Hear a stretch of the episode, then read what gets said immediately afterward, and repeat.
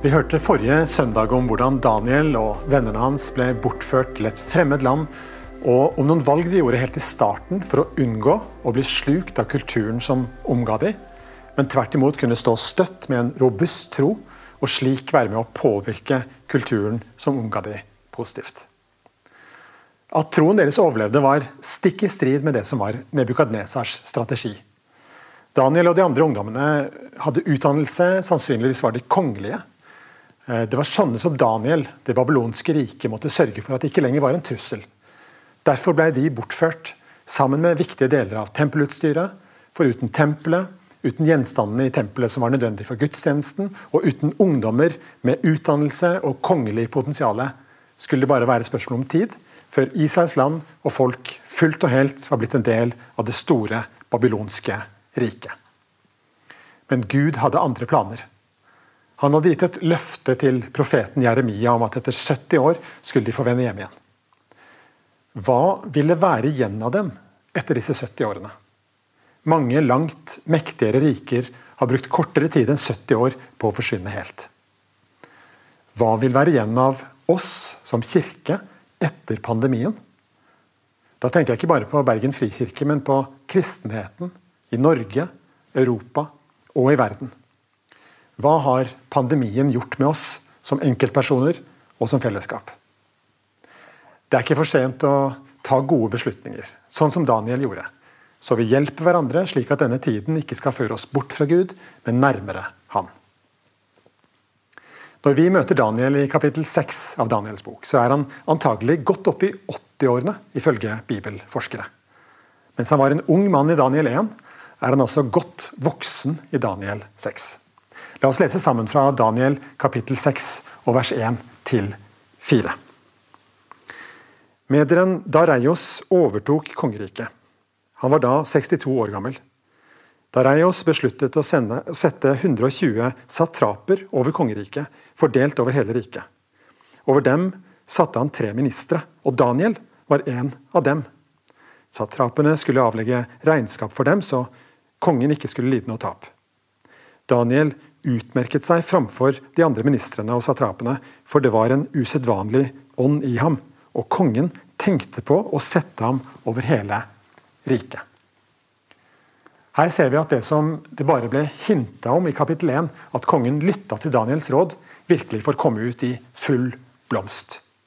Når den nye kongen, kong Dareios, skal sette sammen sin regjering, så havner Daniel blant de tre øverste lederne. Og han vurderes til og med som statsminister. Det minner jo litt om en annen israelitt i utlendighet, som ble nettopp statsminister, nemlig Josef. Vi husker historien fra første Mosebok 37-50, som handler om Josef og brødrene hans, Jakobs tolv sønner. Pga. misunnelse så havner Josef i en brønn, blir henta opp og solgt som slave til noen egyptere som gikk forbi. Slik havna Josef i Egypt, og når brødrene kom etter pga. en hungersnød. Sammen med sine koner og gamle Jakob så ble Israelsfolket værende der i 400 år som et resultat av denne ugjerningen mot Josef. I første Mosebok 50-20 står det Dere tenkte å gjøre ondt mot meg, men Gud tenkte det til det gode, for han ville gi liv til et stort folk, slik vi ser i dag. Omstendighetene kan vi ikke gjøre noe med. Men vi kan bestemme oss for hvordan vi vil tenke om det som skjer, og hvordan vi velger å håndtere det som oppstår. Dette handler ikke om det berømmelige glasset, om det er halvtomt eller halvfullt. Det er mye mer enn perspektiv vi snakker om nå. Fienden vår vil bruke kriser til å føre oss bort fra Gud. Gud vil bruke kriser til å føre oss nærmere seg, og på den måten nærmere hverandre. Og han vil ha oss med på sitt store oppdrag. Han vil redde liv. Daniel, og nå er vi tilbake i vår tekst, ble vurdert som statsministerkandidat, og det ble ikke tålt. Også i denne fortellingen er det misunnelse som gjelder, og konkurrenten hans lager en felle for ham.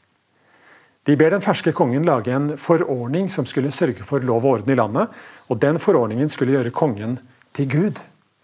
Det hørtes jo fint og flott ut, tenkte kongen. Tenk å bli dyrka og tilbedt som Gud, og ikke ha noe eller noen som konkurrerer med kongen og makten.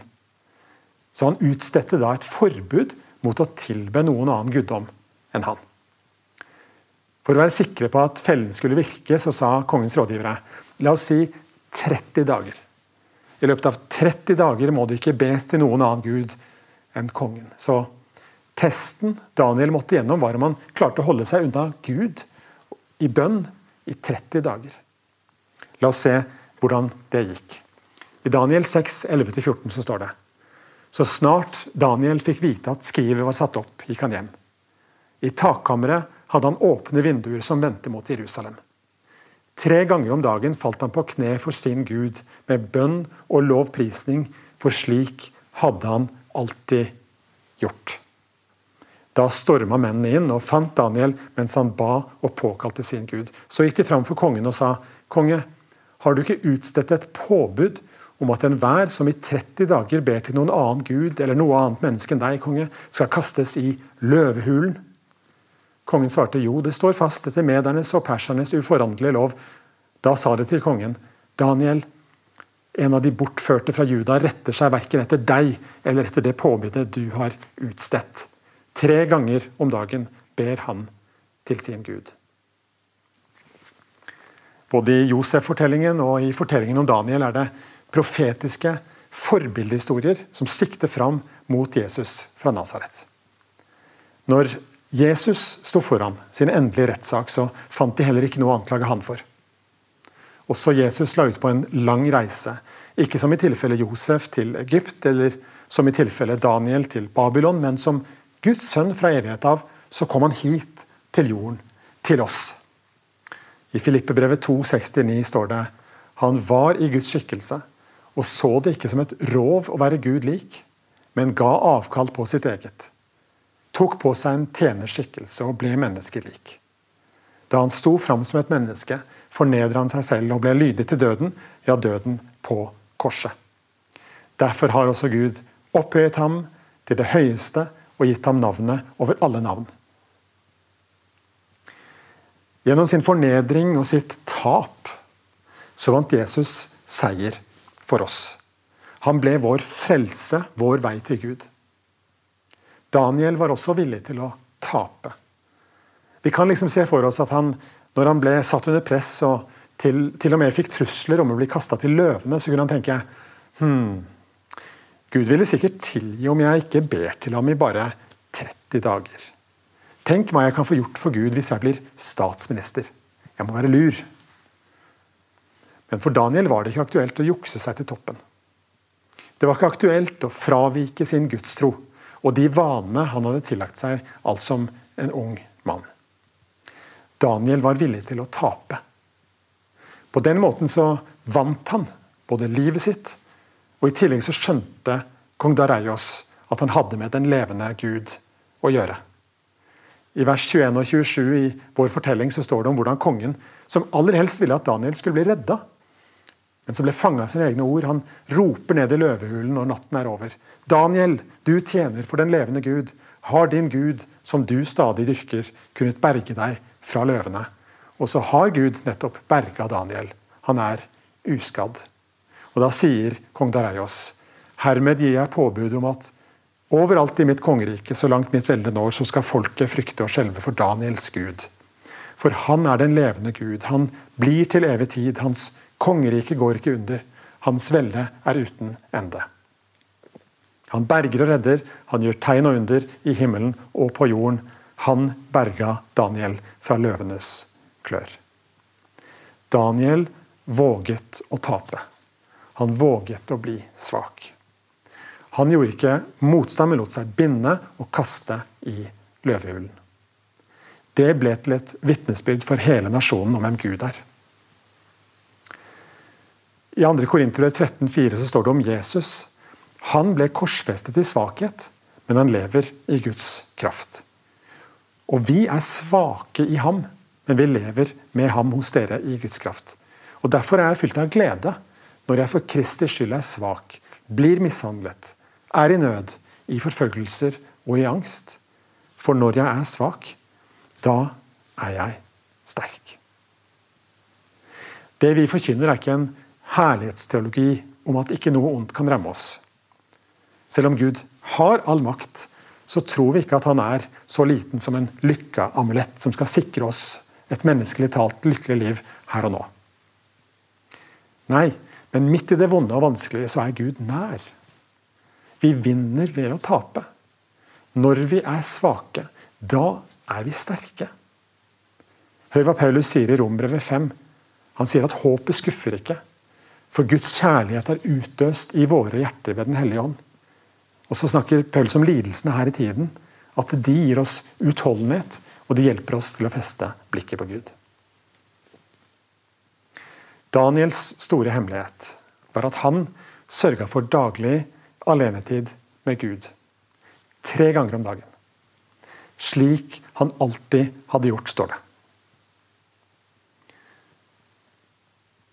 La oss også gjøre det vi kan for å hjelpe hverandre til å ha denne alenetiden med Gud. Gjør vi det, så vil vi komme styrka ut av den krisen som vi er i nå. Det er jeg overbevist om. La oss be sammen. Himmelske Far, takk for at du er en sånn Gud som frelser. Takk for at du er en sånn Gud som har all makt, og som har en enorm kjærlighet til det skapte, og til alle mennesker på denne jorda. Og så vil du ha relasjon med oss. Du ønsker å være en som kommer nær, du ønsker å være en som vi får lov til å være nær i vårt daglige liv. Hjelp oss til å sette av tid til deg. Hjelp oss til å sukke til deg, be til deg, åpne Bibelen vår, være i din natur. Ta inn dette som du har gjort for oss i Jesus Kristus. At vi daglig har våre stunder sammen med deg. Styrk oss, Herre, i denne tiden. Vær nær hos oss, hver enkelt, i Jesu navn.